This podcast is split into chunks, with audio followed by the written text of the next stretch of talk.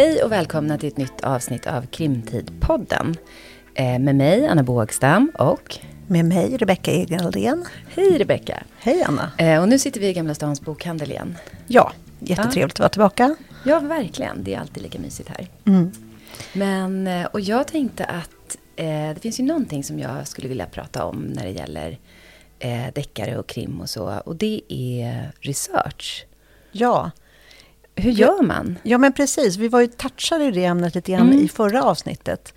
När vi pratade om det här med som Svenska Deckarakademin Exakt. eh, anordnat tillsammans med, eh, vad heter det nu då, Ja, Rättsmedicinalverket. precis. De ordnade ju så att en, ett gäng deckarförfattare Ja, fick komma och jag, träffa hade, jag kunde ju inte tyvärr, men jag hade så gärna velat vara med där. Ja, superspännande Eh, Men ju. just att eh, det satte ändå fingret på någonting, hur viktigt det är att man, när man skriver om, Ja. eh, skriver spänning, att det är så mycket research man måste göra. ja, men precis. Och hur stor betydelse det faktiskt ändå har. Och det tänker jag att ganska många av våra gäster i podden har varit inne på också när vi har pratat om skrivande. Jag tänker på Kepler till exempel, tog upp det. Men hur stor betydelse det har att ändå ha varit där. Eller att ha fått, liksom, fått vara i vissa miljöer, träffa personer som jobbar med det man skriver om. Om man nu inte skriver om en miljö som man själv är, är yrkesverksam i, för det kan jag också göra. Men Mm, ja, men då gör man ju en viss ja, research också. Ja, och jag, jag tänker att det kanske är extra viktigt i Spännens eh, romanen, eller liksom krim. Därför att eh, deckare är ju ofta så samhällskommenterande. ja. Alltså vi är ju ofta i, i liksom att man kommenterar samhället. Och även om det, det kan ju vara historisk krim, men det är fortfarande på något sätt en kommentar till någonting. exakt. Eh, att, eh, är det inte lite så att det är mycket samhällskritik? Eller liksom Ja, men en väldigt mycket så, samhällskommentar? eller? Ja, eller att det ofta, så tycker jag i alla fall, både när man ser tillbaka på det och nutid, att deckare är så himla präglade av vad som händer i samhället just då på ett eller annat Mm. sätt. Och det har väl egentligen varit så även historiskt, alltså jag tänker från Chaval Waler Ja, och, och framåt. Eh, Men vill man ta liksom temperaturen på samhällsklimatet så tycker jag att då kan man läsa tio deckare. Så, Ja. får, så får man Ja, en, verkligen. en, liksom, en ganska bra bild. Ja. Man tänker som nu trenden med att ganska mycket, många deckare, eller en del i alla fall, handlar om gängkriminalitet. Mm. Verkligen. Eh, vi har haft pandemideckare. Ja, ja. ja men det, det är precis som du säger, det sätter liksom fingret på vad, Ja, var är vi just nu. ja men precis. Mm. Terrorism. Men du, vad, hur, hur gör du research? Eh, ja, men jag har, när jag har skrivit polisdeckare så har jag fått göra ganska mycket research på polisverksamhet. Mm. Eh, för det har jag liksom inte haft någon kunskap om. Eh, så det har jag gjort jättemycket och då har jag träffat poliser, jag har intervjuat rättsläkare. Mm. Eh, och jag har också begärt ut jättemycket handlingar kring eh, vad jag nu skriver om Mm. på myndigheter och liknande. Och då har jag ju träffat dem i, och så får de berätta om sitt jobb. Mm. Och nu när jag skriver om eh, rättsväsendet och advokater och åklagare och domstolsförhandlingar och så, så har jag varit till exempel på tingsrätten. Mm. Och då är du ändå jurist ska vi säga. Ja, Mm. ja precis. Men, men ja, berätta, du, du, du var ju ganska nyligen. Ja, men precis. Jag var i veckan på tingsrätten. Ja, nej, men det är väl eh, sådana saker som, som jag kan tycka är, som jag har med mig från mitt yrke som jurist, är att då lär man sig jättemycket om samhället, men också vad man kan, så här, vad som är allmänna handlingar, hur mycket man kan få ta del av. Det har jag känt att jag haft med mig från mitt yrkesliv. Men så för den som inte vet det så kan man ju, om man är intresserad av, ehm, av livet skulle jag säga, så kan man ju gå till en tingsrätt. Och, och domstolsförhandlingar är öppna. Och varje dag på en tingsrätt så lägger de ut vad det finns för förhandlingar. Och allt som inte är bakom stängda dörrar kan man gå in och lyssna och sätta sig på åhörarplats. Så jag var i veckan och var på en eh, del av en förhandling som handlade om ett ganska uppmärksammat mord i Stockholm. Eh, och det gjorde jag för att jag ville eh, dels få idéer och inspiration till det jag ska skriva om, men sen för att jag också... Min deckare kommer delvis att utspela sig i den här miljön. Men sen så är det, för mig är det här ett sätt att få liksom otrolig input Mm. till karaktärer. Det är faktiskt mest till karaktärer i den här Mm. miljön. Mm. Och sen lär man sig ju jättemycket. Så går man på till exempel en rättegång som handlar om ett mord, då kan det ju vara förhör med poliser som har varit först på plats, med kriminalinspektörer som har lett utredningen, det kan vara förhör med rättsläkare som berättar om dödsorsaker och hur, vad man kan se. Och, så att det är liksom oerhört allmänbildande om man är intresserad av Mm. Och du fick ju Brott. väldigt ingående höra hur det Ja. känns att uh, strypas. Visst var det så? Ja, verkligen. Det var lite ofrivillig kunskap. Men jag fick en väldigt så här, ingående beskrivning av hur en, stryp, hur en strypdöd går till och vilka olika skeden det finns. Så point of no return. Ja, precis. I vilket skede. Och jag tror att det här gicks liksom igenom för att det handlar om, om man pratar om uppsåt, eh, när man vet om att en person kommer dö men fortsätter hålla kvar händerna om personens hals. Och vad händer om man släpper i ett skede när personen är medvetslös? Kan den då resa sig upp och vakna? Eh, och så här. så det, ja men precis, det var en typisk sån detalj. Vad var det? Sy- lufthunger? Eller Ja, precis. Jag tyckte det var så otroligt så här, otäck eh, första fas, som är lufthunger och panik. Eh, för övrigt en väldigt bra titel, om man någon gång ska skriva en bok som handlar om det. Alltså Åh, herregud, lufthunger. Ja. Ja. Jättefint. Eller Ja. alltså fint ord, men alltså det är väldigt, Ja, men väldigt otäckt. väldigt starkt. Otäckt Väldigt ord. Otäckt Mm, ord. mm. Och sen var ju nästa fas att man glider in i medvetslöshet. Mm. Och sen kommer en fas när det finns point. Och liksom om man släpper, som jag förstod det, en person som är i medvetslöst tillstånd, då får den en chans att eh, vakna till. Och det är väl Mm. den referensen man kan göra till kampsportsituationer, när Mm. man kanske stryper en person och domaren bryter och Mm. personen faller ihop på golvet, men sen ändå kan resa sig upp. Men fortsätter man hålla kvar där så kommer man till något som de kallade för en point of no return, där personen inte kommer att Eh, den har liksom gått så långt in i sin medvetslöshet att det behövs medicinsk hjälp för att få tillbaka personen. Mm. Och efter det, om man då inte får medicinsk hjälp, så inträder ju jättehemskt dödsögonblicket. Ja. Oh. Det var helt förfärligt, Ja. men, eh, Mm. Men lärorikt. men ja, lärorikt och ett typexempel på vad man kan få råka vara med om. Mm. Mm. Eh, men och sen finns en annan sak kopplat till det. Och det är ju att det finns ju enorma mängder eh, handlingar man kan läsa och ta del av om man är intresserad av eh, brott och hemskheter. Och om man går till en tingsrätt så har ju de eh, där alla målen och Mm. all bakomliggande utredning som finns i, innan det blir en dom av någonting. Och det kan man ju be att få ta del av och då får man sitta i deras lokaler om man vill. Mm. Och titta på förundersökningar och eh, förhör och liksom om man vill se hur det ser ut. Jag tänker att det kanske människor vet, men om man inte vet det så är det ett tips i alla fall om man vill ha inspiration. Så det kan man göra.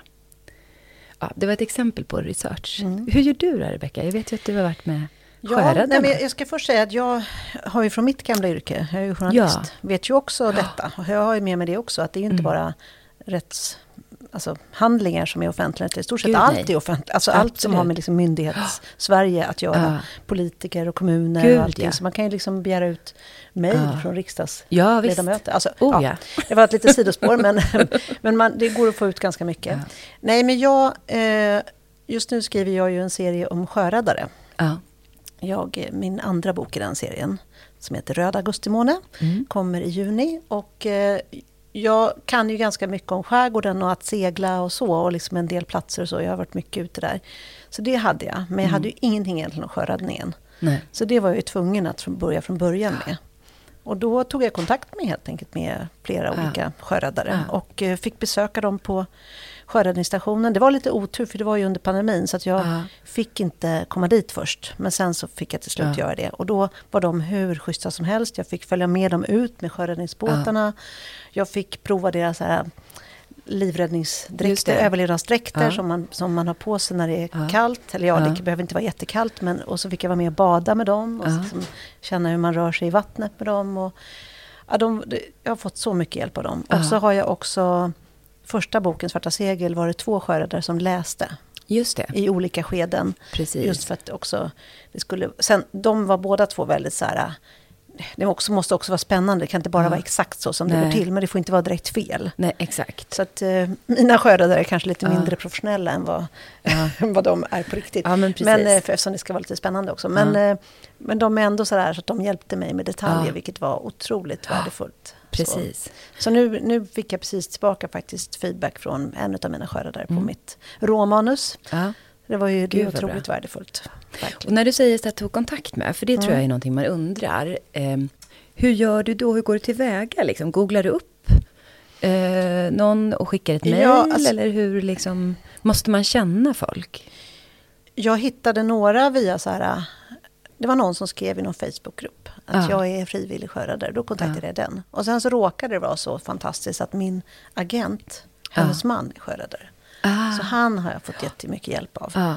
Eh, och sen var det en annan kvinna som jag bara fick, liksom, jag vet inte, nys om. Det var Ja. någon som visste att hon var sjöräddare. Ja.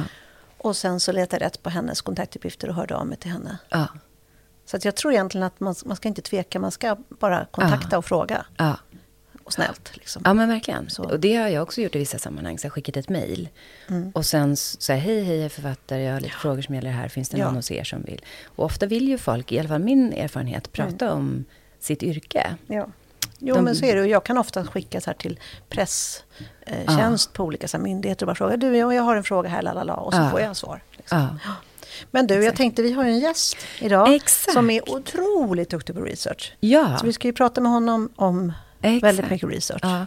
Han är otroligt duktig på att alltid vara aktuell, Mm. hitta liksom ämnen. Och sen som du säger, man märker när man läser hans böcker att det är väldigt researchat. Ah. Så jag tänkte vi ska fråga honom hur han går tillväga. Ja, så bli ska vi säga välkommen. Ja, men det gör vi. Välkommen in. Pascal Engman. Eh, jag kommer mycket väl ihåg när du debuterade. Det var ju 2018. För du blev ju nämligen nominerad till Årets deckardebut. då, Ja, Där jag satt i juryn. ah. det minns jag faktiskt också. Ja, det var Patrioterna. Ja. Exakt. Och sen så kom ju Eldslandet, som var din första, Vanessa Frank. Ja. Mm. Och nu är du aktuell med X som är femte delen i eh, den här Vanessa Frank-serien. Exakt. Ja, och däremellan så har vi Råttkungen, Änkorna och Kokain. Ja. Och sen har du dessutom en, eh, en serie som du har startat med Johannes Selåker. Ja, Till minne av en mördare. Och den kom väl, var det, var det förra året? ja blir förra året. Våren året. förra året. Våren förra året, precis. Våren 2022. Exakt. Och sen kommer nu andra delen i den nu i mars, i slutet av mars. Exakt. 27 Och den heter- mars. Ja, 27 mars. mars. Det blir just framflyttat från den 28 till den 27. Lite Jaha. kuriosa. Ja, okej, Ja, okej. och- Nej, men eh, och den heter Ja. Skammens väg och är en fortsättning. Utspelar sig 1995. Ja, för första boken utspelas ju 1994. Ja. Precis. Eh, det, var, det var, var det det? Sen kan vi säga att du var journalist. Du jobbade på Expressen innan, Ja, Ja. fem år. i fem år precis. Och du jobbade, lite, du jobbade på Nyheter 24 också. Ja, eh, ja, precis innan jag kom till Expressen Mm, så var jag mm. där i åtta, nio månader. Mm, mm. Men nu skriver du på heltid. Nu skriver jag på heltid. Då, vad bra. Men då kan vi väl börja med lite grann att, att du kan få berätta lite om den senaste boken här nu i Vanessa Frank-serien. X. X. Vad är det för bok? Ja, eh, nu var det ett tag sedan jag pratade om den. Så, Du har jag har hunnit skriva två böcker sedan dess. Ja, Eh, eller en och en halv i alla fall. Men den handlar väl om eh, matchfixning, skulle man kunna säga, inom fotbollen. Eh, jag upptäckte nämligen när jag gjorde research för, min för boken dessförinnan, som heter Kokain, att vissa av de här kriminella gängen i Sverige eh, försörjer sig, eller försörjer sig, men får en stor del av sin inkomst via att anordna matcher i Sverige. Mm. Eh, Sverige är det sjätte mest utsatta landet i Europa för matchfixning och det sjätte mest utsatta landet i världen för matchfixning. Eh, vilket man kanske inte tror. Och Mm. sen går det här ju hand i hand med liksom gängkriminaliteten på många sätt. Eh, och jag älskar ju fotboll, eh, så då tänkte jag att det var en intressant handling liksom. Mm. Och spännande att se, höra mina kriminella källor då som jag använder mig av i kokain berätta hur det går till liksom när de fixar matcher. Mm. Ehm, Du börjar ju, du, det är ju en ung kille som blir kontaktad. ja. Kan du berätta om det? Vem är han och vad händer i början? Ja, han heter Herish och Mm. han håller väl på att slå igenom som A-lagsspelare i AIK. När han ja, blir kontaktad helt enkelt, eh, konfronterad nästan av två män som vill att han ska ta ett, jag tror ett gult kort i en match. Mm. För att eh, de ska kunna spela på det inför. Och de, börjar, de här hoten eskalerar ju, han är ju motsträvig och vill inte göra det här men eh, hoten eskalerar eh, sakta men säkert. Mm. Och eh, Vanessa Frank då, det är ju femte boken om henne. Det är ju en ganska speciell hjältinna. Kan du berätta lite om henne? Ja, Hon, är inte, hon har ju sagt upp sig i den här boken. Hon har sagt upp sig Ja. efter um, händelsen i slutet av Kokain då, den Ja. förestå- föregående Gående. boken heter. Ehm, och hon, ehm, hon eh, får av en slump kan man väl säga höra talas om det här mordet. Den kommer i närheten av ett mord på en väldigt berömd så kallad fotbollsfru. Mm. Ehm, och blir indragen i det på olika sätt. Så till den grad att hon bestämmer sig för att återvända till, till grova brott som hon då vill Mm. jobba på eh, inom polisen. De har ju lite brist på utredare, både i verkligheten och i böckerna. Mm. Mm. Och sen har vi ju Celine. Celine. Eh, Vem är Celine? Celine är Vanessas adoptivdotter kan man väl säga som eh, kom in i böckerna i bok två i Råttkungen om jag inte minns helt fel när hon bodde granne med en annan ganska framstående karaktär i bokserien som heter Nikolas Mm. eh, och hon väl blev vän med honom först och sen så Hon hade det inte så bra hemma. hon hade inte så bra. Nej. Så Vanessa tog hand om henne. Ja. Mm, precis. Eh, jag tänker att Vanessa, hur, hur hittade du henne som karaktär? Det var faktiskt när jag, jag kommer inte ihåg om det var när jag jobbade på Expressen eller en stund efter det så träffade jag en polis, en kvinnlig polis som inte kom från liksom Hon kom, hade en ganska speciell bakgrund för att vara polis. Hon hade varit professionell dansare i väldigt många år innan hon blev eh, polis. Hon kom från liksom kultursektorn kan man väl säga.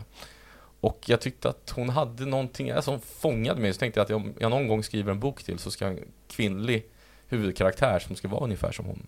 Och det roliga var att hon, eh, hon är den första polis liksom som läser böckerna nu och kommer med råd och ja, men kollar så att allt går rätt till rent polisiärt. Mhm, Men jag tycker det var spännande att hon Vad säger hon då? Känner hon igen Ja, det sig? är det tänkte.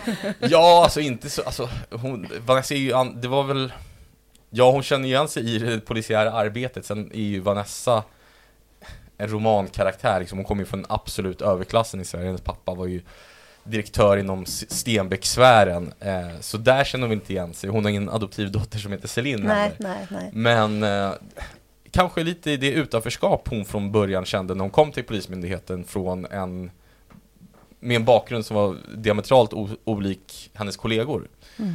Ehm, så det har jag pratat med henne mycket om, liksom, hur det är dels att vara kvinna och ganska liksom, högt eh, uppsatt inom polisen. Eh, och att ja, ha så annorlunda bakgrund, liksom, annorlunda liv utanför polisen än vad hennes kollegor har. Mm. Men om, om nu någon i publiken inte har läst någon bok om Vanessa Frank, kan du vem är hon? Hur, hur är hon? Hon är ju väl, hon är, Det, det, alltså det finns ingenting jag tycker är svårare i, i världen än att prata om Vanessa Frank. För Ah. att det är, jag är så dålig på att beskriva henne, för då. hon finns så intuitivt i mig liksom. mm, Eh, och någonstans är det så liksom, privat också, men hon är väl liksom Hon är en polis som ser sig själv väldigt mycket som en tjänsteman. mm, Hon är alltså en gammeldags polis kan man säga Mm. på det sättet. Hon, är, hon skulle aldrig skaffa Twitter som vissa poliser gör idag och börja lägga ut detaljer om, om sitt vardagsliv som polis, utan hon är en väldigt privat person. Hon har tidigare varit gift med en, eh, med en känd dramatiker i Sverige eh, som var otrogen och lämnade henne. Så hon har dessutom ganska grava tillitsproblem och har svårt att släppa in människor i sitt Mm. liv. De enda hon släppt in är väl liksom Nicolas då, mm. Eh, den andra huvudkaraktären och Mm. Celine, hennes adoptivdotter. Men så hon är hon är Ja. mis- ganska misstänksam av sig. Ja, och utan att spoila för mycket så har hon ju en del trauman också Ja, exakt. eh, med sig i bagaget. Ja. Liksom, som också påverkar henne. Ja. Jag, tycker att hon är en jätteintressant karaktär. Ja men tack, vad roligt. Ja, ja. Vad säger du, Anna? Jo, men det tycker jag verkligen. Men, och sen finns det ju i den här boken en karaktär till som jag i alla fall eh, blir ganska berörd av, som är Jonna. Ja. Eh, och jag tänker, jag skulle vilja uppehålla mig lite kring henne också. Och hon är ju lärare och har liksom... Du får berätta lite om Jonna. Jonna är ju, ja men som du säger, lärare. Hon har varit en väldigt duktig lärare. Mm. Men saker i hennes, som har hänt, jag tror det senaste året, Mm. ehm, har liksom förändrat hennes syn på sig själv och sin, sin yrk, hennes yrkesroll. Och hon känner väl att hon, hon, hon söker liksom efter sin sanna identitet som lärare. Men alla vet ju att uh, barn och ungdomar kan vara liksom hänsynslösa. Så hennes elever ser ju hennes svaghet och skörhet och börjar liksom regelrätt mobba henne. Eh, och tar hela tiden ett steg längre kan man väl säga i den här mobbningen. Mm. Och mitt i det här, allt i det här så hittar hon en man, hon har levt ensam väldigt länge, eller alltid ensam. Hon har Hon är som en ensamvarg, men som börjar lyssna på henne och bry sig om henne. Och eh, hon förblindas väl lite av hans liksom ehm, ja, men ömhet inför henne. Mm. Eh, så till den grad att hon börjar liksom kompromissa lite med, med sig själv och med sin etik. Ja, precis. Men för jag tänker också att eh, när man läser boken, jag tror att det som mycket gör att man får en känsla för Jonna, eller att man blir berörd av henne, är ju att hon känns äkta eller att det finns liksom... Jag tänkte i alla fall på när jag läste boken, så här, dels hur du gör för att skapa den typen av karaktärer. För en liten spaning här är att i nästan alla dina böcker så finns det någon som är lite av en outsider, mm. som Jonna. Och jag, jag, tänker som i Råttkungen till exempel, så får man ju verkligen gå in i huvudkaraktären som är, har en incel ja, som är en väldigt liksom, ensam och oälskad person. Och som inte tycker om sig själv och så här. Och det, på något sätt finns det lite likheter mellan dem. Mm. Hur gör du liksom för att skapa Jonna? Ja men Jonna, jag läste faktiskt, hon är baserad på en, på en riktig människa också. Jag läste nämligen om en lärare som var, som blev mobbad av sina elever. Eh, och precis som Jonna hade han faktiskt, Jonna har alltid ett litet gosedjur eh, på mm. katedern. Heter katetern eller katedern? Katedern. Det ena är något som ja, man kissar med. Jag blir, alltid, jag blir alltid osäker när jag sagt det. Katedern har hon, eh, har hon sin, sitt lilla gosedjur på. Och eh, det hade även den här läraren i verkligheten och hans elever började liksom eh, stjäla eh, det här gosedjuret och jävlas med honom helt enkelt. Mm. Eh, och då, det var så jag kom på Jonna, för jag tänkte att det finns nog få människor som är så utsatta för sånt och som måste, dessutom idag måste hålla igen så otroligt mycket vad de nästan utsätts för av sina elever. Mm. Eh, och att det måste vara så otroligt hemskt att som vuxen bli mobbad av barn. Ja. Eh, det, det omvända är också superhemskt förstås, men mm. just att liksom, ungdomar kan vara så otroligt taskiga. Um, så då kände jag att, nej men när jag läste, det var en notis liksom i, i, i någon av tidningarna jag läste och då kände jag direkt att ja, det här är en karaktär. Mm. Uh, och sen passade det bättre om hon var en kvinna i den här boken eftersom hon skulle träffa den här mannen. Just det. det kan man göra ändå, men ja. inte men i det här fallet. Men du, jag får bara fråga, för det är ju ensamvargar. Det känns ju som att Vanessa Frank är en ensamvarg, Nicolas är en ensamvarg. Ja, alltså jag eh, tycker alltså, det är så jävla har... tråkigt att skriva scener med många människor inblandade. Ja. det blir, det blir, ja, men så, så är verkligheten också. Jag, jag, tycker det är mycket, jag vantrivs nästan i så stora sammanhang. Ja. Det här är uteslutet, det här är ett stort sammanhang. Men, men det här, det här, här trivs jag. Ja, men det här är mysigt. Men jag tycker om att prata liksom en och en med människor. Och, och, jag tycker att det är då man får liksom fram essensen hos, hos sina medmänniskor.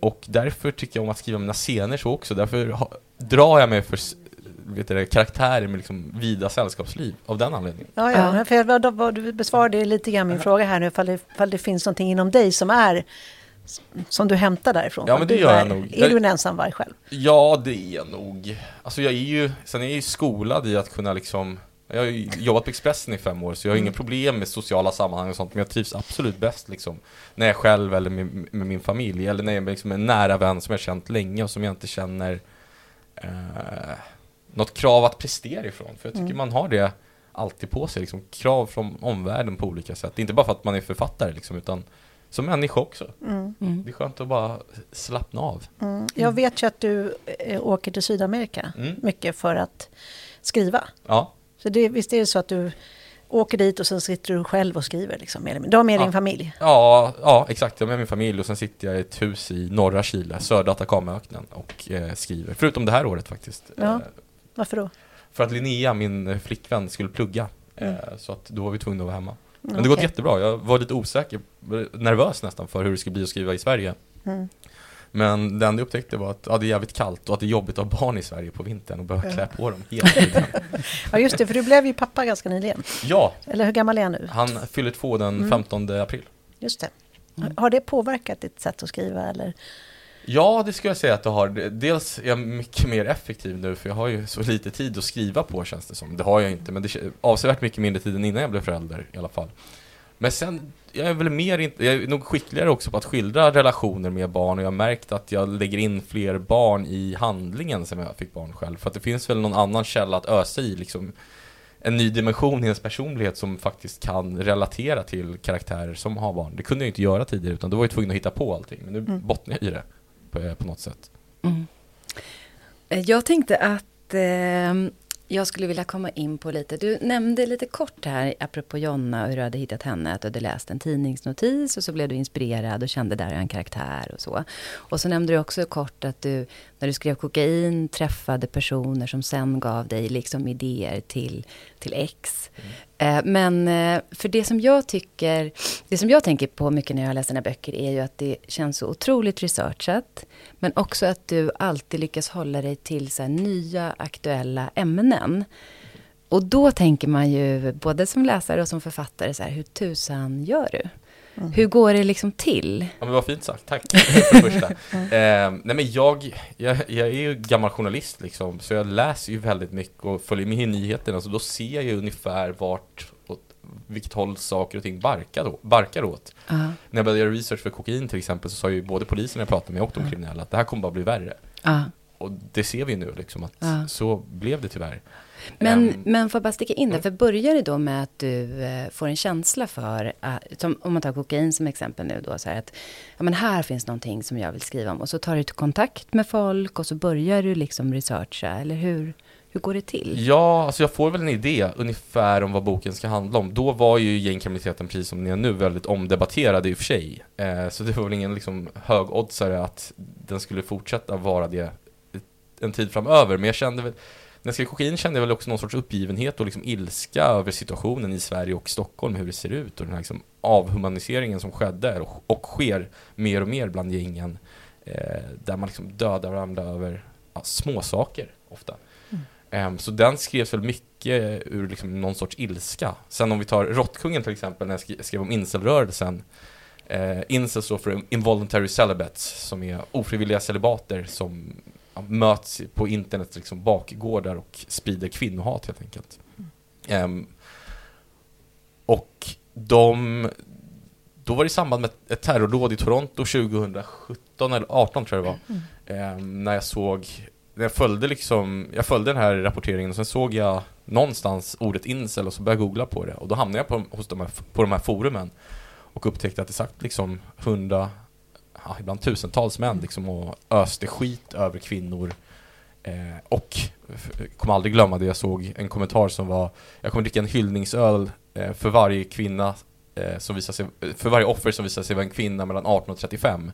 Skrev någon apropå då den här terror, det här terrorattentatet mm. Och då kände jag att ja, här fanns en kraft som En jävligt mörk och läskig kraft som förtjänar att skildras och in, man hade inte pratat om incelrörelsen i Sverige då så men jag förstod att det här var ju globalt liksom. Att vi inte hade börjat prata om det i Sverige ännu bara.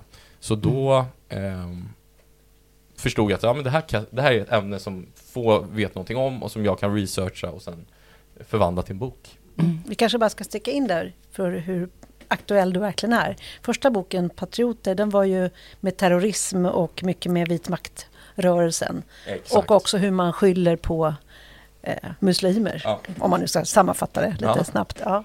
Och sen Råttkungen som vi sa var ju med incelrörelsen. Eldslande var ju organstöld. Ja, organhandel. Ja, organhandel, exakt. precis. Alltså, framförallt, alltså, det blev ju det, men tanken med Eldstrand från början var att då hade jag också läst någon tidningsnotis ja. eh, om att jag tror att det var 500 flyktingbarn försvinner i, i Sverige mm. varje år. Mm. Eh, så det var väl det som var grunden, sen organhandeln kom liksom eh, längs ja. vägen för jag var tvungen att göra av de här barnen någonstans i, ja. liksom, i handlingen.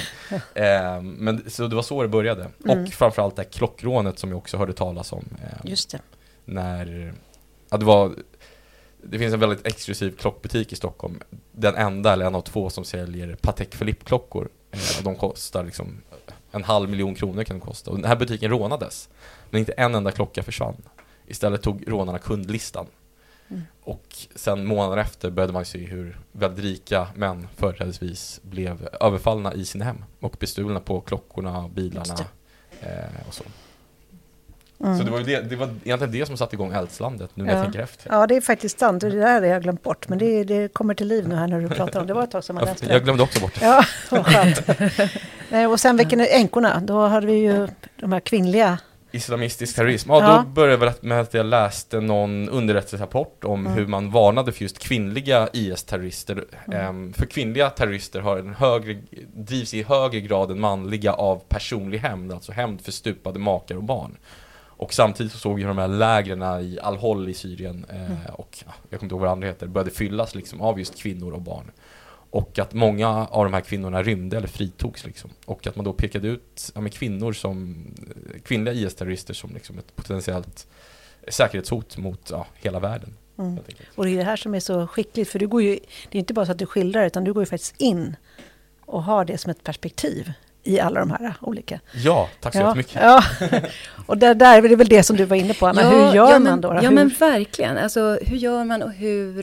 För jag tänker som om vi går till X då. Mm. Då har du haft kontakt med... För du nämnde lite så här tidigt här, eh, ditt kriminella nätverk, Ja. säga. Men, Mitt eget nätverk. ja, precis.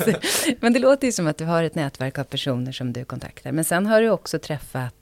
Du måste ju ha träffat massa personer som håller på med, liksom, inom fotbollsvärlden. Ja. Hur har eh, det gått till? Och hur hittar du dem, liksom? Ja, men jag intervjuade bland annat Janne Andersson, förbundskaptenen. Kaptenen. Eh, han läste ju mina böcker såg jag i någon, i någon intervju i DN. Eh, så då eh, hör, mejlade jag honom helt enkelt och frågade om han ville ställa upp på en intervju och berätta liksom om sin syn på unga fotbollsspelare som jag ville prata med honom om. Eh, och det ville han jättegärna. Eh, sen tog jag kontakt med Evelina Kamp som är ihop med eh, fotbollsspelaren Juan Mata som spelade i Manchester United väldigt länge. Eh, nu spelar han i Turkiet och bad henne berätta för mig liksom, om hur det är att vara gift med en så, så känd människa. För det man inte, det kanske vissa har tänkt på, men jag tänkte väl inte på det innan. Men alltså, att vara fotbollsspelare, globalt känd fotbollsspelare idag, du är mycket kändare än Spelar du Premier League, som är den brittiska ligan, så är du ju kändare än liksom den svenska kungen Mm. runt om i världen. Så är det ju. Och att då leva med en människa, en väldigt ung människa dessutom, Mm. för de här spelarna slår liksom igenom när de är i 20-årsåldern. Hur är det att leva med en människa som liksom dyrkas från små afrikanska byar till liksom av män i alla åldrar. För det förenar också Mm. fotbollsspelare, att män i alla, alla åldrar, och kvinnor för den delen, men framförallt män får ju någonting speciellt i blicken ofta när de liksom, man pratar om fotbollsspelare. Och blir liksom starstruck Mm. eh, på ett sätt som det nog händer med få andra yrken liksom. Och att då vara så ung och kastas in i den här karusellen som liksom, du tjänar, du tjänar 100 miljoner om året och känner hela världen och du är 20 år gammal. Ofta kommer du från en ganska trasslig socioekonomisk bakgrund. Hur är det att leva nära en sån person och vad händer med den personens psyke? Mm. Det vill jag ju liksom besvara. Men och de vill gärna svara på sådana frågor, eller hur, Ja, alltså hur funkar det? Ja, eh, jag pratade med en finsk journalist som frågade mig exakt samma sak häromdagen. Eh, ja, men de kriminella vill gärna svara på de här frågorna. Dels för att jag tror att de har ett behov av att ventilera eh, det de är med om och de vill inte göra det i nyhetsmedier. Ehm, Och de tycker inte att du är journalist då? Eller nej, nej. Och sen är de ju liksom, de är med om jävligt traumatiska saker och det är inte så att de går till liksom kvarterspsykologen och pratar. Så där tror jag att de faktiskt ventilerar lite med mig på ett sätt som Alltså jag lyssnar på dem Mm. och jag tror inte att de pratar om de här sakerna med liksom sina kompisar. Mm. Men hur hittade du? Alltså det här kriminella. Jag förstår ju att du är fotbollsspelare, det är ju liksom, de kan man hitta. Men de finns liksom inte så här äh, yrkeskriminell. Nej, för det är ingen på gula Facebook- sidorna. Facebookgrupp med dem. Nej men kontakter helt enkelt. Jag Mm. dels, eh, jag spelade ju fotboll i många av de här socioekonomiskt utsatta områdena. Jag spelade i ett lag eh, som hette Inter Orhoi som höll till ute i Rinkeby. Så jag Mm. lärde ju känna folk Ja. i liksom de socioekonomiskt utsatta områdena. Eh, och vissa av de här personerna känner jag ju än idag liksom. Mm. Eh, och det är väl deras, inte lillebröder, men generationen under där. Och alla i de här områdena vet ju dessutom vilka det är. Mm. Som liksom ligger bakom skjutningar och som importerar ja, kokain i det här fallet. Men jag tänker ju när man skriver om det då, hur är det som författare? Har man liksom ett ansvar eller måste man vara rädd om? För jag tänker också när man skriver om, om ämnen som är laddade och där folk ha, liksom är i verksamheter där man faktiskt dör. Mm. Hur, hur hanterar man den informationen man får? Alltså det, jag hanterar det nog ganska filterlöst om jag ska vara ärlig. Däremot är jag väldigt noga när jag skriver till exempel kokain med att inte glamorisera det här Mm. livet utan verkligen få det att framstå så som de berättar det för mig. För alla jag pratade om ville ju lämna det här bakom sig. De sa ju att så här, jag gick in med, gick, det började liksom med att jag började sälja lite marijuana och sen började jag prata med äldre killar som tog mig högre och högre upp i hierarkin och ehm, jag önskar att någon hade satt stopp för det här tidigare. För Mm. att jag trodde liksom att det här var ett glamoröst liv eller ett liv Många av dem sa att de förstod inte baksidorna. Och det är svårt att göra det när man är 13-14. Och sen när man är 17, nu för tiden så är man liksom, då är man en veteran i de här sammanhangen. Vilket är jävligt hemskt. Mm.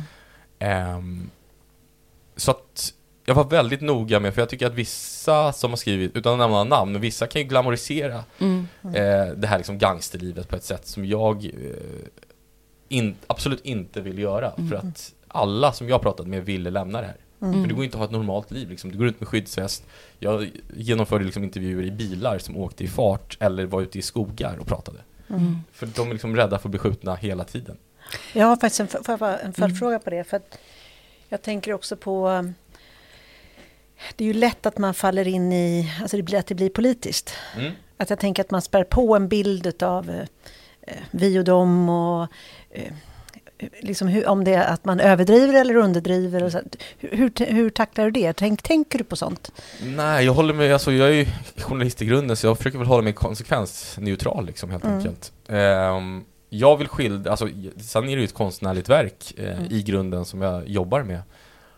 Så att det är ju Nej, jag, jag berättar liksom den historia jag vill berätta och jag tar mm. inte hänsyn till vad folk sen tolkar det här, om, om folk tolkar det som ett politiskt inlägg eller inte. Nej, jag vet inte om de gör det. Men jag vet att det finns en del i den här genren, alltså folk som skriver, som ja, du säger, som glamoriserar, som faktiskt har blivit, fått en hel del kritik för att de har ja. eh, kanske målat upp Sverige på ett sätt. Liksom. Ja, fast alltså den bilden, alltså jag skriver ju utifrån de berättelser hos de människor jag träffar liksom, mm, så att jag mm. skulle vara osann mot mig och de som jag träffar och faktiskt intervjuar för, om jag liksom började glamorisera det här eller eller underdriva det, för det är ju liksom mm. Det, det, mesta som jag skriver om har ju hänt. Mm. Ta kokain som börjar med att, ja, jag tror 400 kilo kokain börjar liksom eh, skölja upp över stränderna i skärgården. Det har ju hänt två gånger. Det har hänt mm. i Göteborg och det har hänt mm. i Malmö. Eh, hände väldigt nyligen också. Hände väldigt nyligen. Ja, eller det, nu kom åtalet, men det hände redan 2020. Jag tror att det, var, det måste ja. varit så jag fick idén till att det skulle skölja, upp över Stockholms stränder. Men jag fick en väldigt tydlig bild när jag satt och mm den gick runt någon gång och bara så här, jävlar vad sjukt det skulle vara om det sköljde in kokain över, alltså paket med kokain, över eh, stränderna i Stockholms skärgård. Men då mm. måste jag haft det i bakhuvudet. Mm. För så förutseende kan jag inte vara faktiskt. Nej, precis. Eller så hade jag, hade jag talat om det av någon annan. Ja, mm. jag minns inte. Mm. Men jag tänker också när man, eh, för jag tänkte du nämnde att du åker med bilar och du träffar personer som lever i den här världen som i och för sig vill komma ur den. Men kan det liksom bli farligt någon gång? Känner du att, råkar, råkar du ut för saker där du känner att det finns, alltså även om de personerna du träffar är, vill berätta sin historia och så, finns det kanske andra runt omkring som har ett intresse av att den historien inte kommer ut? Vad intressant, min nästa bok handlar om exakt det. Oh.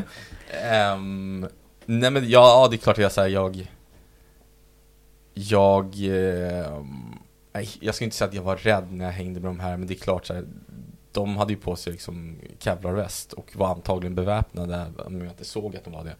Ehm, mm. Så det är klart att jag har respekt för den, eh, för att det är en annan värld än att liksom lalla runt i Gamla stan. Ehm. Va? det är den känslan här inne också just nu. men, men nej, alltså jag skulle ljuga om jag sa att jag var rädd, mm. att jag var rädd. Men jag var, det är klart jag var försiktig liksom och jag lyssnade väl på eh, vad de sa till mig i fråga om hur vi skulle mötas och sånt med liksom en viss respekt. Det gör man ju. Um, men sen, nej inte det. Däremot, för typ två år sedan, eller någon gång efter jag hade skrivit kokain så blev jag kontaktad av en av Sveriges kändaste kriminella som har jobbat jobbat, låter som liksom 9-5 jobb. Men han, han har i alla fall jobbat väldigt mycket med att importera kokain från Sydamerika till hela Europa. Mm. Jag ska mm. inte säga hans namn. Men han ville att jag skulle skriva en bok baserad på hans liv.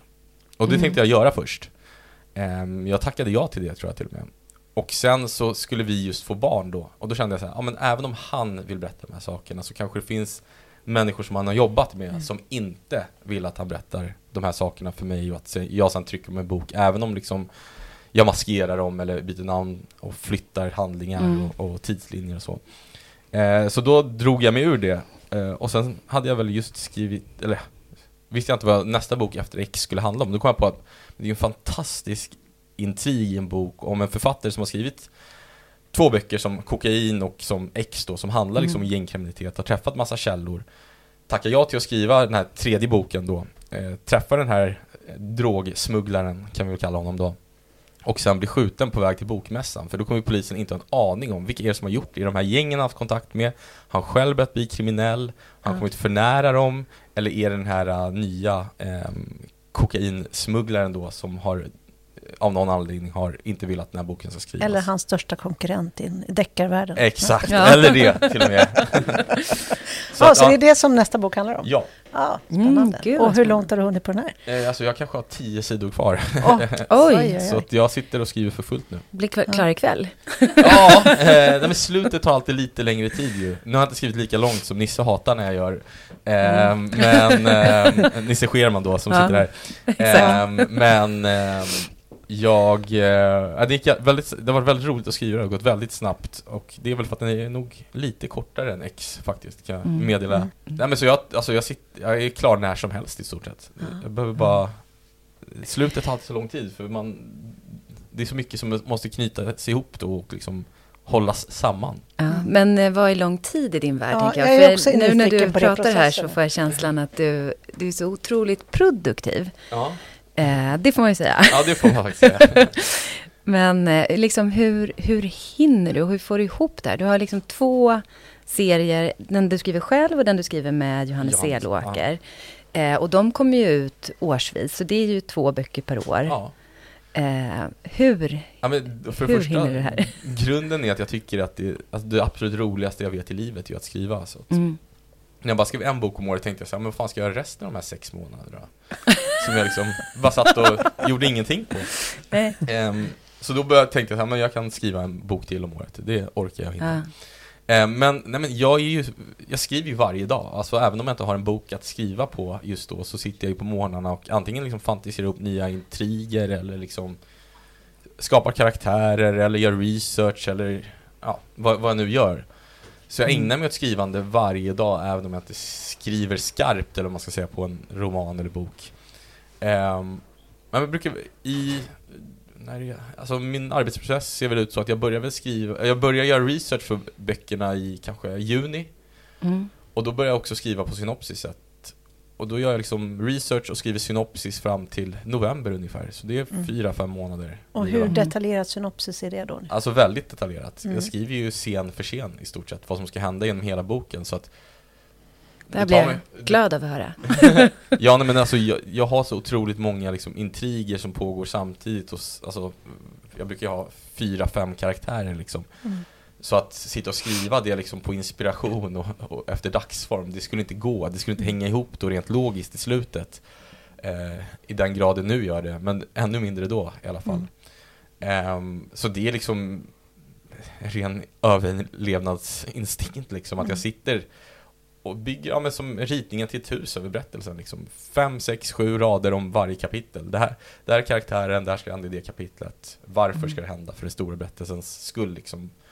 I, och sen så, när jag suttit så i fem månader varje dag, då har jag ju liksom ja, med ritningen till en berättelse. Mm. Men håller du den sen? För jag, jag älskar synopsis, märkligt nog. Ja. Det är många författare som hatar det. Ja. Eh, men det är ofta att det sen inte riktigt blir så i slutändan, för att det kommer en förläggare och det kommer andra... Eller att man kommer på saker. Ja, eller precis. Eller jo, liksom... det, men det kan jag göra, och jag lämnar ofta slutet öppet. Alltså, i alla fall har jag gjort det med både X och eh, den boken jag nu skriver på. Liksom, jag, sista delen lämnar jag helt öppen.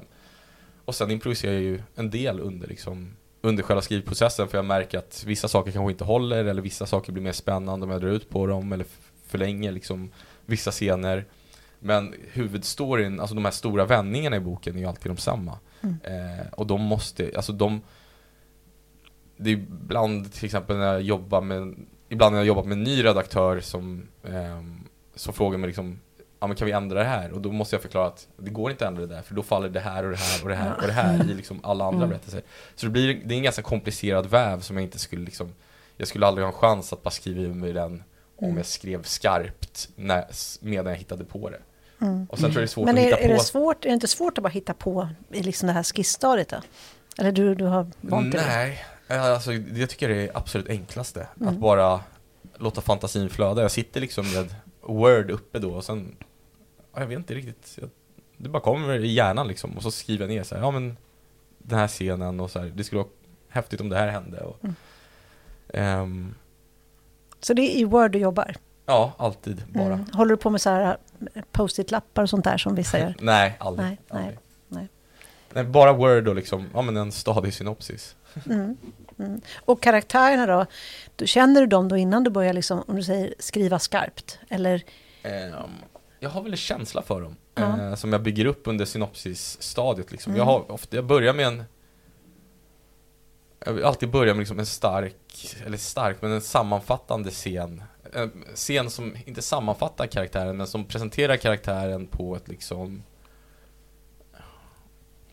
Jag vet inte På ett lite annorlunda sätt någonstans, så att man minns dem eftersom jag har så många karaktärer i böckerna Så det är väldigt viktigt att personerna, eller läsarna håller isär dem mm.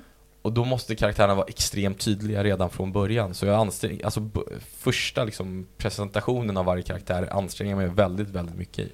Mm. För att få så tydligt som möjligt så att även om jag byter perspektiv 15 gånger under liksom, en del av boken så ska läsaren aldrig liksom bara fråga sig vilken var den här karaktären? Det låter ju som, för du sa ju att du, har, har liksom, du skriver alltid, har alltid hållit på att skriva och så. Har du alltid velat bli författare? Har det varit en dröm? Alltså jag får, jag får, jag får ofta den frågan och jag har alltid olika svar. Ibland känns det som att jag alltid velat bli författare, ibland känns det som det var något jag kom på när jag var 25. um, ehm, jag vet inte, jag vet, det enda jag vet är att jag, när jag var kanske 10 år gammal så försökte jag skriva djupt inspirerad av både Star Wars som jag, då försökte jag skriva någon sorts sci-fi berättelse om en kille som åkte till Mercury, eh, alltså Mercurius. Mm. Eh, och sen lade jag ner det och sen läste jag Utvandrararen när jag var 12 kanske och då ville jag skriva en emigrantroman om en irländare och den skrev jag väl en och en halv sida på. Så då fanns det ju skrivardrömmar och liksom ambitioner om ett berättande. Mm. Men att jag skulle bli författare, nej. Inte ens när jag blev journalist sen så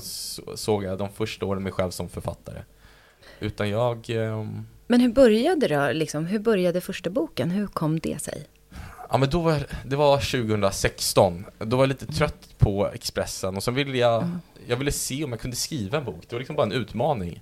Men jag läste att du sa upp dig för att skriva en bok. Ja det stämmer inte. Det är inte så? Eh, nej, jag, jag tog tjänstledigt i tre ja, månader. Mm. Och så åkte jag till Chile. Och då hade jag tänkt att skriva, då hade jag inte tänkt skriva en kriminalroman utan då ville jag skriva liksom en modern Jack som alla mediemän drömmer om att skriva mm. eh, någon gång. Eh, men det lyckades jag inte med. När jag kom till Chile så tänkte jag, ja men nu ska jag skriva den här moderna jacken. men sen så hade jag inte liksom, jag hade inte råvarorna för det. Jag hade liksom inget intresse av det egentligen. Då började jag tänka tillbaka, ja men jag kanske ska skriva en kriminalroman istället. Och då var det just det här med ja, extremt mycket hat och hot liksom mot framförallt kvinnliga journalister. Um, och jag var ihop med en, en kvinnlig journalist då och hon berättade, jag såg i hennes inkorg också hur det såg ut så fort hon hade skrivit om något som handlade om liksom, migration, feminism eller mm. klimatet. Um, redan då? Redan då. Um, mm. Och då var det ju, och sen någon månad innan hade gripits några nazister utanför Expressens redaktion med kniv. Just det. Um, så då, tänk, då tänkte jag, men fan ska jag inte skriva om det här då? För det betyder ju någonting för riktigt, på riktigt för mig. Så då skrev jag faktiskt ihop Patrioterna. Den skrev jag helt utan synopsis faktiskt.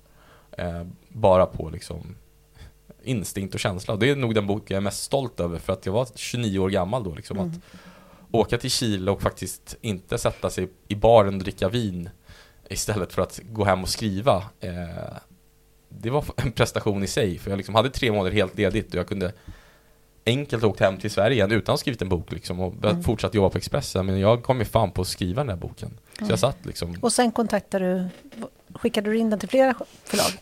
Ja, eh, skickade den till Piratförlaget, eh, Forum och jag tror att det var Bokfabriken eh, som jag skickade den till också. Och Piratförlaget och Bokfabriken som jag och Forum sa, Adam Dalin som var litterär chef mm. på Forum skrev ehm, vi tackar nej men jag tror att jag kommer ångra det här. Det gör den kanske. ja men sen, nu skriver vi forum i den här andra serien ja, så att säckarna knöts ihop. Mm. Men då är inte han kvar där längre. Då är inte han kvar tyvärr. men, men jag tänkte, för du åkte bara ner, du var 29 år gammal, åkte till Chile i tre månader, tänkte jag ska skriva en bok. Men hade du gått någon skrivkurs eller liksom någon Nej, jag hade alltid läst mycket liksom. Ehm, jag, jag har inte gått journalisthögskolan heller. Ehm, utan jag, just skrivande och journalistik är saker som jag tycker man kan lära, alltså det är jättebra att ha en skrivkurs också. Ja, just det. just det, nu Nej, men det, ty det tycker jag verkligen, men jag, jag kände att jag hade, liksom, jag hade gjort mina fem år på Expressen, jag var så otroligt van vid att berätta i långa mm. reportage, jag liksom, jag, och jag... Men jag tror, jag håller med dig, om man har mm. läst mycket, då sitter mycket ja, i kroppen det, också. Ja, exakt. Ett, ett liksom Ja men instinktivt mm. berättande. Och sen mm. alltså fem år på Expressen ska man inte liksom underskatta även Nej. om det var liksom, visst 90% var liksom ja, nöjesjournalistik men 10% var också ganska bra journalistik, liksom långt berättande i i... Ja, och man är duktig på det här med att vara effektiv i sitt berättande. Och ja. vad, vad är grejen att komma snabbt? Ja, och det måste jag man ju... Jag nämligen också jobbat på Expressen. Ja, jag vet. Nej, men, och det måste man ju kunna liksom när man jobbar på Expressen. Ja, så att, eh, jag kände att jag, jag skulle utmana mig själv och försöka liksom. Mm. Och det gick ju bra. Det gick jättebra. Ja. Alltså jag är, eh, du sa att du var 29, jag är lite nyfiken på att prata, jag vill prata lite grann om eh, Till minne av ett mördare. Ja. ja. Ur flera perspektiv här nu. Mm. Dels så att den utspelar sig 94, jag bara tänkte, gud du är inte ens född då, men det var det ju, det var ju typ, vad var det, åtta eller något sånt där, eh, 94. Mm. Hur kom det sig att ni valde att den skulle utspela sig 1994? Eh, ja men jag och Johannes, vi jobbade tillsammans på Expressen, så vi satt ju liksom Vi satt på någon Bruce Springsteen-bevakning tror jag det var, i Göteborg och då liksom det är Expressens stora liksom, happening varje år när Springsteen i Göteborg och då är liksom alla resurser som finns eh, skickas dit. Så då sitter man i olika bilar, jag satt ofta inne på hotellet och väntade på Springsteen Johannes satt utanför i någon bil med någon fotograf som kissade i en flaska och, och väntade på Springsteen Och sen började han och jag mässa om böcker, eh, måste det ha varit Och sen mm. kom vi på att så här, varför har ingen skrivit en bok om sommar 94? Mm. Som, som vi liksom eh, ja, men så alla, pratar, alla pratar om den här sommaren mm. fortfarande med liksom våt blick. Mm. Men jag kan inte minnas en enda bok som liksom har utspelat sig så liksom uttalat den sommaren. Um, så då började vi ja, hitta på en intrig där, för vi var uttråkade liksom. Och Springsteen hade väl annat för sig uppe på sitt rum. Uh, och sen gick det sju, åtta år och vi satt fulla i en bar, han och jag. Uh, båda hade slutat på Expressen. Och så började vi prata om den här boken. Mm. han hade ju börjat skriva då ihop med en annan ja, författare. Exakt. En serie, eller han började skriva en bok i alla fall. Ja men exakt. Mm. Och sen satt vi på den här baren och var lite fulla och sen så slumpade det sig så att en förläggare från Forum just var där. Och då pitchade vi den här boken aspackade. Och trodde att vi... Vilket bra tips Ja men vi skulle, vi, vi trodde ju aldrig att han skulle återkomma om det här men två dagar senare hade liksom, hörde min agent av sig och sa eh, Ni har ett bud här. På, på, en bok som vi, eh, Forum gärna vill att ni skriver. Eh, mm. Då hade de ju ångrat sig jättelänge Ja exakt. Eh, så, så då, ja tänkte vi så här, vad fan har vi gett oss in i? För vi hade ju liksom en väldigt svepande liksom tanke om att det är en bok som ska utspela sig sommar 94 um, Det var det vi hade, liksom en mördarjakt genom Sverige um, Och sen då satte vi oss och skrev ihop synopsisen um, och sen så var det klart helt enkelt. För att vi, mm. alltså vi, det är otroligt roligt att skriva tillsammans med någon. Ja, det var min nästa fråga. Ja, ja. anar det. Och nej men, så, när man skriver själv så är man ju väldigt utsatt, man är väldigt ensam. Man har ingen som bryr sig exakt lika mycket om berättelsen som man själv gör. Mm. Så är det ju verkligen. Eh, men att då ha någon som bryr sig exakt lika mycket och som man kan höra av sig till hela tiden och liksom diskutera mm. detaljer med och den personen vet exakt, eh, exakt lika väl insatt också i handlingen som en själv. Eh, det är ju alltså det är en befrielse så att att skriva till minne av mördaren var nog det absolut roligaste jag gjort och det mest liksom ångestbefriande projekt jag haft i hela mitt liv. Var det inga nackdelar då? Eh, ja, vi måste dela då? på förskottet. Ja, men... ja, men okej. Men det var inte så att ni var oense ibland om att Nej. vad som skulle hända? Nej. Nej, för vi satt, vi hade åtta sittningar minns jag, eh, på olika fik där vi satt och liksom genom, eller skrev den här synopsisen så extremt detaljerad, mycket mer detaljerad än jag skrev Vanessa Frank. För vi var ju tvungna att dela upp karaktärerna men de måste ju ändå liksom, eh, ha någon sorts samspel och samklang och vi var, var tvungna att liksom sätta, ja vädret var inga problem sommar 94 Nej. eftersom det var så varmt hela tiden. Mm. Men, eh, ja men detaljer liksom. Eh, så det var ett väldigt detaljerat synopsis vi skrev. Och sen så ja, gick var och hem, hem, hem och skrev sin karaktär liksom. Okej, okay, så det var så ni delade upp dem karaktärsvis? Ja. Mm. Okej, okay, så skrev liksom de kapitlen helt enkelt? Ja, exakt. Mm. Och det var ja, det var nog ganska självklart för oss att göra så. Vilken karaktär hade du? Jag hade Thomas och, eh, vad hette han nu, Mikael Bratt. Ja, ja, ja, ja. Ehm. Som eh, man känner att det finns en förlaga. Det gör det. Ja. Många som undrar vem som är, det är förlagen. Det är, en skåd, det är skådisen va? Det är skådis, det ja. handlar ju om mm. Ja, det, det, jag, jag ser en viss skådis framför mig, men jag ska inte säga ja, namn. Det är många som ser den skådisen mm. framför mig, men man kan ju säga att den här Mikael Bratt då, som är en liksom superut och väldigt känd eh, skådespelare som Mm. beter sig lite som han vill mot kvinnor och Ja. liksom, ja, mot alla andra människor. Eh, nej, men han är väl ett sammelsurium av massa skådespelare jag och Johannes träffade på Expressen som man, liksom, man visste att de var svin. Alltså de betedde sig som as mot alla, men ändå var man tvungen där att sitta och liksom Ja men vara underdånig och trevlig mot dem för att ingen vågade liksom eh, Ingen kunde, man kan ju inte avslöja det heller för att det, liksom, det finns publicistiska regler och sånt men, men de kunde bete sig exakt hur som helst innan metoo, nu har det blivit lite bättre eh, får man väl säga Men så det är väl, Mikael Bratt är väl liksom ett koncentrat av liksom Jo. väldigt många manliga svenska skådespelare och historierna bakom dem Varenda liksom historia som han Varenda fanskap han ställer till med är ju någonting som har skett på riktigt Mm. Ehm, Då är det tacksamt att ha 94 innan metoo. Exakt. Men du, det är ju jätteroligt för den har ju, ska ju bli film. Eller tv-serie. Ja, ja, sen vet man ju aldrig hur det Nej, blir. nej, jag vet. Jag vet att, eh, är det inte Patrioterna som också är såld? Eller vad är Eh, det? jo, Patrioterna såldes till Hollywood eh, Ja. 2000, alltså då när den kom, 2017. Eh, Ja. Sen hörde jag aldrig mer av Hollywood. Nej, nej det brukar ju vara så. man säljer saker till tv och sen blir Nej, det aldrig. Nej. Men det här då? Blir det här av tror du? Ja, men jag tror det. Ehm, jag hoppas det. Eh, det är ett produktionsbolag som är väldigt skickligt. De som, skickliga, de som gjorde em, Fredrik Backmans Björnstad bland annat. Bland Mm. annat. Och nu spelar de in Ronja Rövardotter. Ehm, och de har väldigt intressanta visioner liksom och eh, älskar verkligen berättelsen. Så jag hoppas att det blir, eh, blir av. Mm.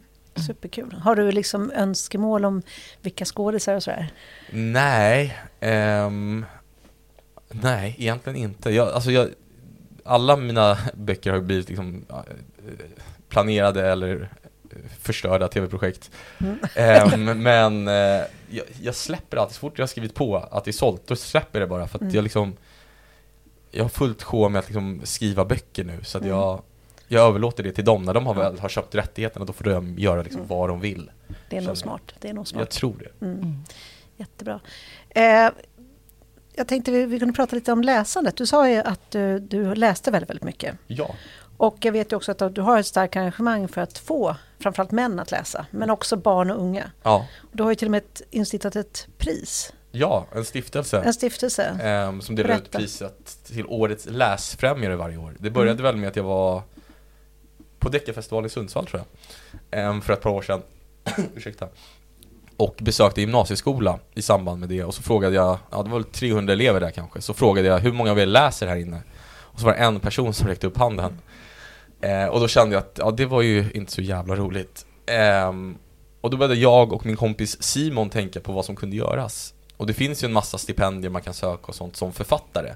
Men då tänkte vi att det finns ju enormt många eldsjälar där ute i Sverige som jobbar i motvind och utan att få liksom någonting, var, varken betalt eller liksom eh, ens en klapp på ryggen för deras engagemang med att få unga människor att läsa. Och det är liksom svensklärare, kan vara skolbibliotekarier, eh, bokhandlare.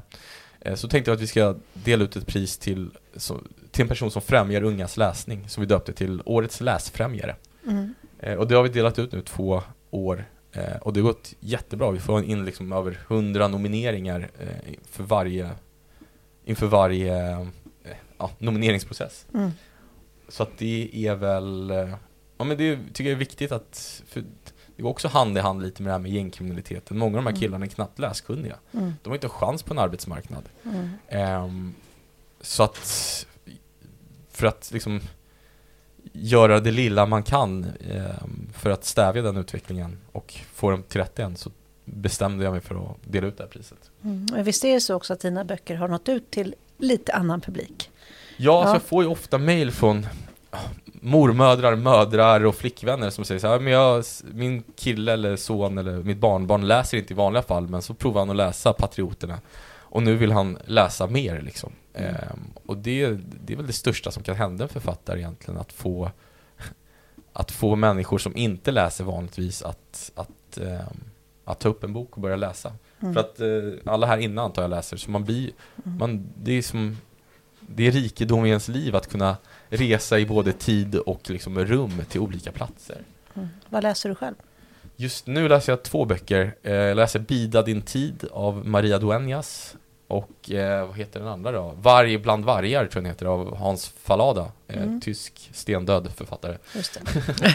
Ehm, så jag läser väldigt sällan deckare eller krimlitteratur överlag liksom. Men särskilt inte när jag själv skriver för då är det så lätt att man blir påverkad. Liksom. Mm, Okej, okay. du tänker så. Så det är mycket romaner då eller? Ja, eller? historiska mm. romaner främst. Mm.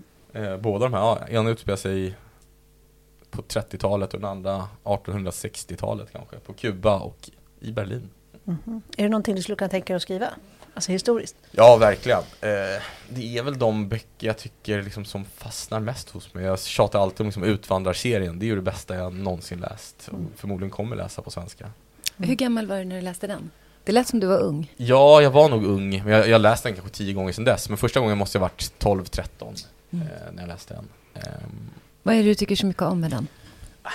Det är väl någonting som, jag tror att man som svensk faktiskt förstår var man kommer ifrån liksom rent kulturellt, hur Sverige har blivit som det har blivit, liksom den här extrema kollektiva individualismen som vi, om man ska liksom generalisera, har i oss. Eh, och sen liksom vilka umbäranden det innebar att leva på, när tar den sin början, 1850 kanske, mm. att leva i den världen, det är så det är lite annorlunda det också mot att lalla runt i Gamla stan nu för tiden. Igen, Gamla stan. ja. Fast det är många kängor här, jag älskar Gamla stan. Ja, men, men är det, du, du som är så duktig på att vara aktuell, du kanske ska skriva om den nya, alltså det är ju människor idag som flyr på samma sätt som i den serien. Ja, fast det finns så många som gör redan, ja. Eh, känns det som. Eh, det finns många som skriver historiska romaner också. Nej men jag, jag liksom... Är det verkligen så många i bokvärlden? Ja men det är det väl. Det är kanske det. Men och sen är det väl, det krävs en enorm liksom Saviano reste väl liksom tvärs över Medelhavet med en flyktingbok för att, med en flyktingbåt för att kunna skriva en sån bok. Mm. Och det, för att skildra det rättvist tror jag att det är ungefär vad som krävs. Mm. Och jag har tyvärr inte tre månader och jag liksom, jag, jag vet inte. Nej, det Kanske, det jag är sugen på att skriva först är nog en Min pappa kom hit som flykting 1973 eh, efter militärkuppen i Chile Och det är väl det som ligger mig till närmast till hands då att skriva en historisk roman om, liksom, om militärkuppen, placera någon svensk au pair där kanske eller något mm. Det har jag tänkt på länge mm. Eh, men sen det krävs ganska mycket, väldigt mycket research för att gå tillbaka i tiden och kunna skildra det också. Mm. Um, så att, ja, jag får se. Jag vet inte riktigt. Jag befinner mig i ett mellanland nu. Du gör det? Ja. Men, men hur många, för du, jag hörde att det var en trilogi den här som du skriver med Johannes, eller? Ja, heter det, när det är fyra böcker. Alltså är det det? Det är fyra? Det visste inte jag. Jag trodde det var tre. Det är fyra? Du ja, vet att det ska bli fyra? fyra. Vi funderar väl på att skriva... fyra? Ja. Okay. Ja, men ja. vi är ju på trean nu, har vi börjat ja. planera liksom. Är snart klara med. Och är det då 94, 95, 96? Alltså så? Ja, vi tänkte mm. skriva oss fram till millennieskiftet liksom. Ja. Sen, sen, får det fan vara nog. Det är väl sex? Ja, sex böcker blir det då.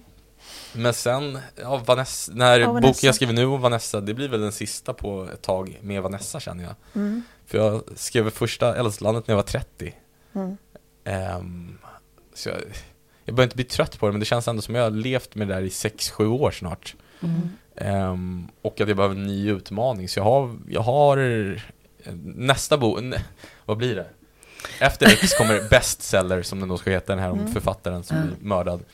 Eh, sen kommer jag nog skriva en helt fristående kriminalroman. Eh, Men Bestseller är i princip klar? Det, ja. För du sa lite innan när vi sågs att du hade några manus. Ja. du bara, X var ett tag sedan, jag har massa manus efter det. Som... ja, men så det är väl den jag ska skriva, liksom en, mm. en helt fristående bok eh, ja. i krimgenren från Skåne. För min mormor eh, var skåning, jag har varit väldigt mycket i Skåne och så dog min mm. mormor i år. Eller förra året blir det då. Och då började jag känna väldigt saknad efter, efter Skåne och, ja. och liksom Malmö och landsbygden. Eh, så kände jag, fan jag ska försöka skriva något från, om Skåne eh, mm. och skapa henne till en karaktär. Du har ju två Skåneförfattare här. och då frågar man ju sig, var det, är det kring Malmö nu du uppehåller dig? Eller Nej, någon alltså, annan del? innan jag var, innan jag hade ett jobb tänkte jag säga, men jag var, mitt första journalistjobb var faktiskt på Trelleborgs Allehanda. Mm. Eh, så då tänkte jag faktiskt, jag, jag har inte den handlingen klar riktigt. Men jag har en huvudkaraktär. Vad konstigt. Mm. ja, men jag, har, jag har den i stora drag, men den är mm. verkligen bara på idéstadiet. Mm. Eh, men den ska utgå från Smygehuk ungefär. Han ska jobba inne i Trelleborg, den här mm. polisen. Mm. Eh, men han ska bo i Lilla Beddinge ungefär, om någon vet var det ligger. Mm. Närheten av Smygehuk. Eh, så ja, det är väl det jag, jag tänker på till, till nästa liksom fristående och ensamma projekt. Spännande. Ja, ja, Hör du, att nu tittar jag på klockan och känner att vi, det börjar Ja. bli dags att släppa in publiken. Ja, kanske. men precis. Vi ska fråga publiken. Är det någon i publiken som har en fråga till Pascal? Jag har ju alltid en Ja, fråga, precis. börja. Hur många Ja. sidor är din nästa roman på? Eh, nej, eh, det gläder mig att den är kortare. Men jag har en rak fråga Ja. och det handlar om X. Ja, Eh, redan i början så får man ju reda på vad superskurken heter. ja och han har ju namn, samma namn som din förlagschef. det har jag. lite olika stavning kanske. Ja. Eh, har du fått godkänt för det? Eller är det ett sätt att eh, skriva sig ut till ett annat förlag? Ja, just det. Eh, nej, jag fick eh, godkänt. Jag sa till honom helt enkelt att eh, så här kommer karaktären heta och så skrattade han bara. Och så att Okej. jag ändrade stavningen lite. Så han, ja men det är väl jättebra. Han är väldigt ehm, han är väldigt nära mig i hela processen så att han var liksom, han läser ju synopsisen och är med på ett väldigt tidigt stadium i mina böcker. Är det han som är din förläggare? Ja, eh, jag har två förläggare. Ja, har Eh, två förläggare. Claes Eriksson då Ja, just det. eh, och ehm, Ebba Barrettband. Mm. Så jag, alltså jag har ju på forum också så jag är omgiven av förläggare och redaktörer känns det som. Åh, jag hade kunnat prata en timme till om det här. Det är så spännande. Men ja, Får vi tacka så jättemycket för att du ville komma till Krimtidpodden. Det Tack för inbjudan. jättekul att prata med dig. Ja, det var superroligt. Och tack för att ni kom och lyssnade. ja. Tack, Tack. så mycket. Jag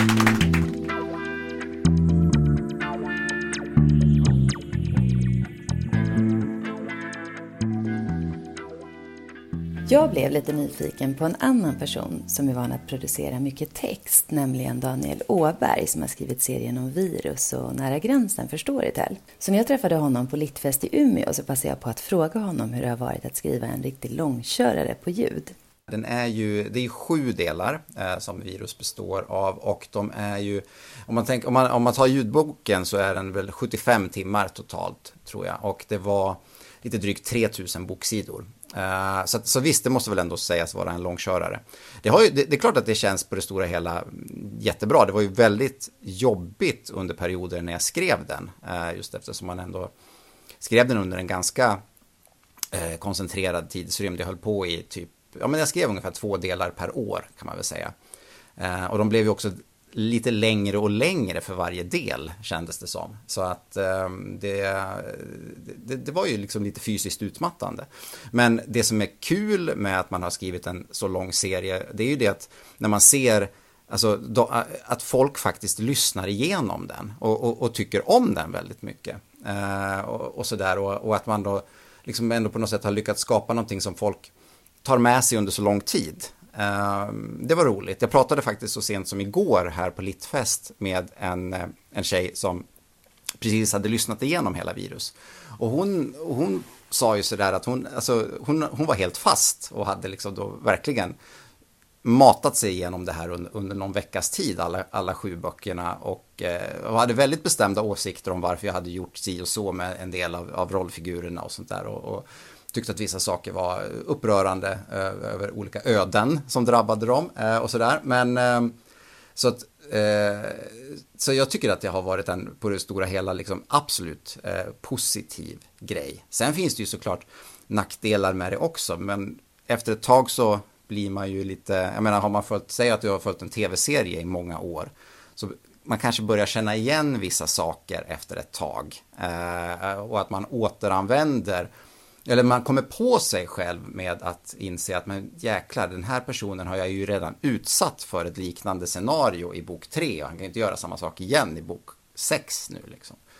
Uh, och sådär. Så att um, det är klart att det, det kunde liksom uppstå en viss trötthet. Uh, men så är det väl kanske för alla som skriver, men sen som säger som långa deckarserier eller liknande och sådär också. Så att, um, men, nej, men jag tycker, särskilt inom ljud, så passar det ju ändå bra med de här långa serierna. Så att eh, eftersom man då har, eh, lyckas man hooka upp dem så fortsätter de ju liksom. Och sen kan de börja om igen. Det finns flera som har lyssnat på Virus tre eller fyra gånger som jag vet. Så det, ja, det är roligt.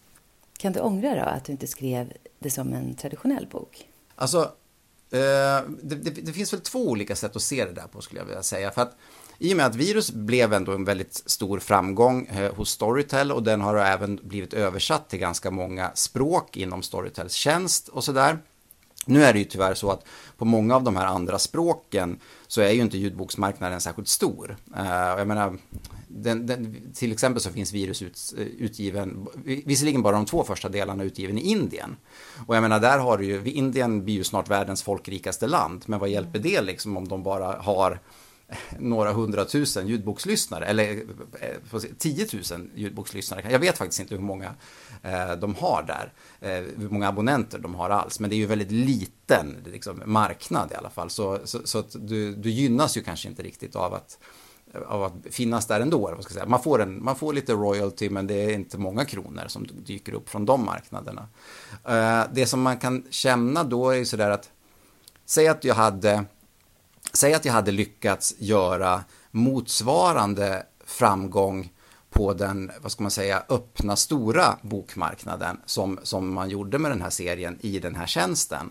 Nu är det visserligen så att Storytel är den största ljudbokstjänsten, men det är fortfarande bara en av tre plattformar och det är också så att inte alls alla människor tycker om att lyssna på ljudböcker. Så du får ju ändå bara en, en mindre del, du är ändå bara tillgänglig för en mindre del av marknaden. Uh, och vi, vilket ju såklart då också leder till att, att även om jag har liksom fått ganska bra betalt för, för de här böckerna liksom i, och de fortsätter att ticka på och ge inkomster och sådär så jag har ju ändå kunnat leva på det. Men säg att man hade fått motsvarande succé i, på den totala bokmarknaden, då hade jag ju faktiskt kunnat bli ekonomiskt oberoende på det. Eller något sånt där.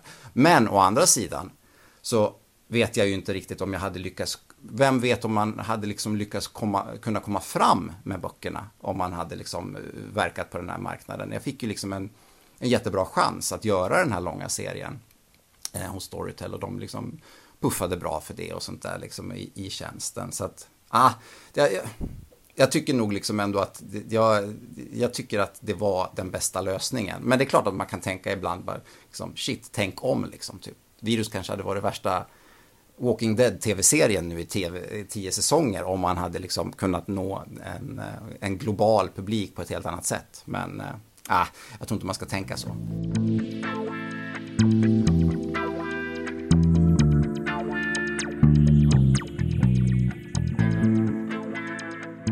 Ja, men det här var ju ett superintressant samtal och eh, vi är ju snart tillbaka igen. Ja, men precis. Vi är ju inte upp.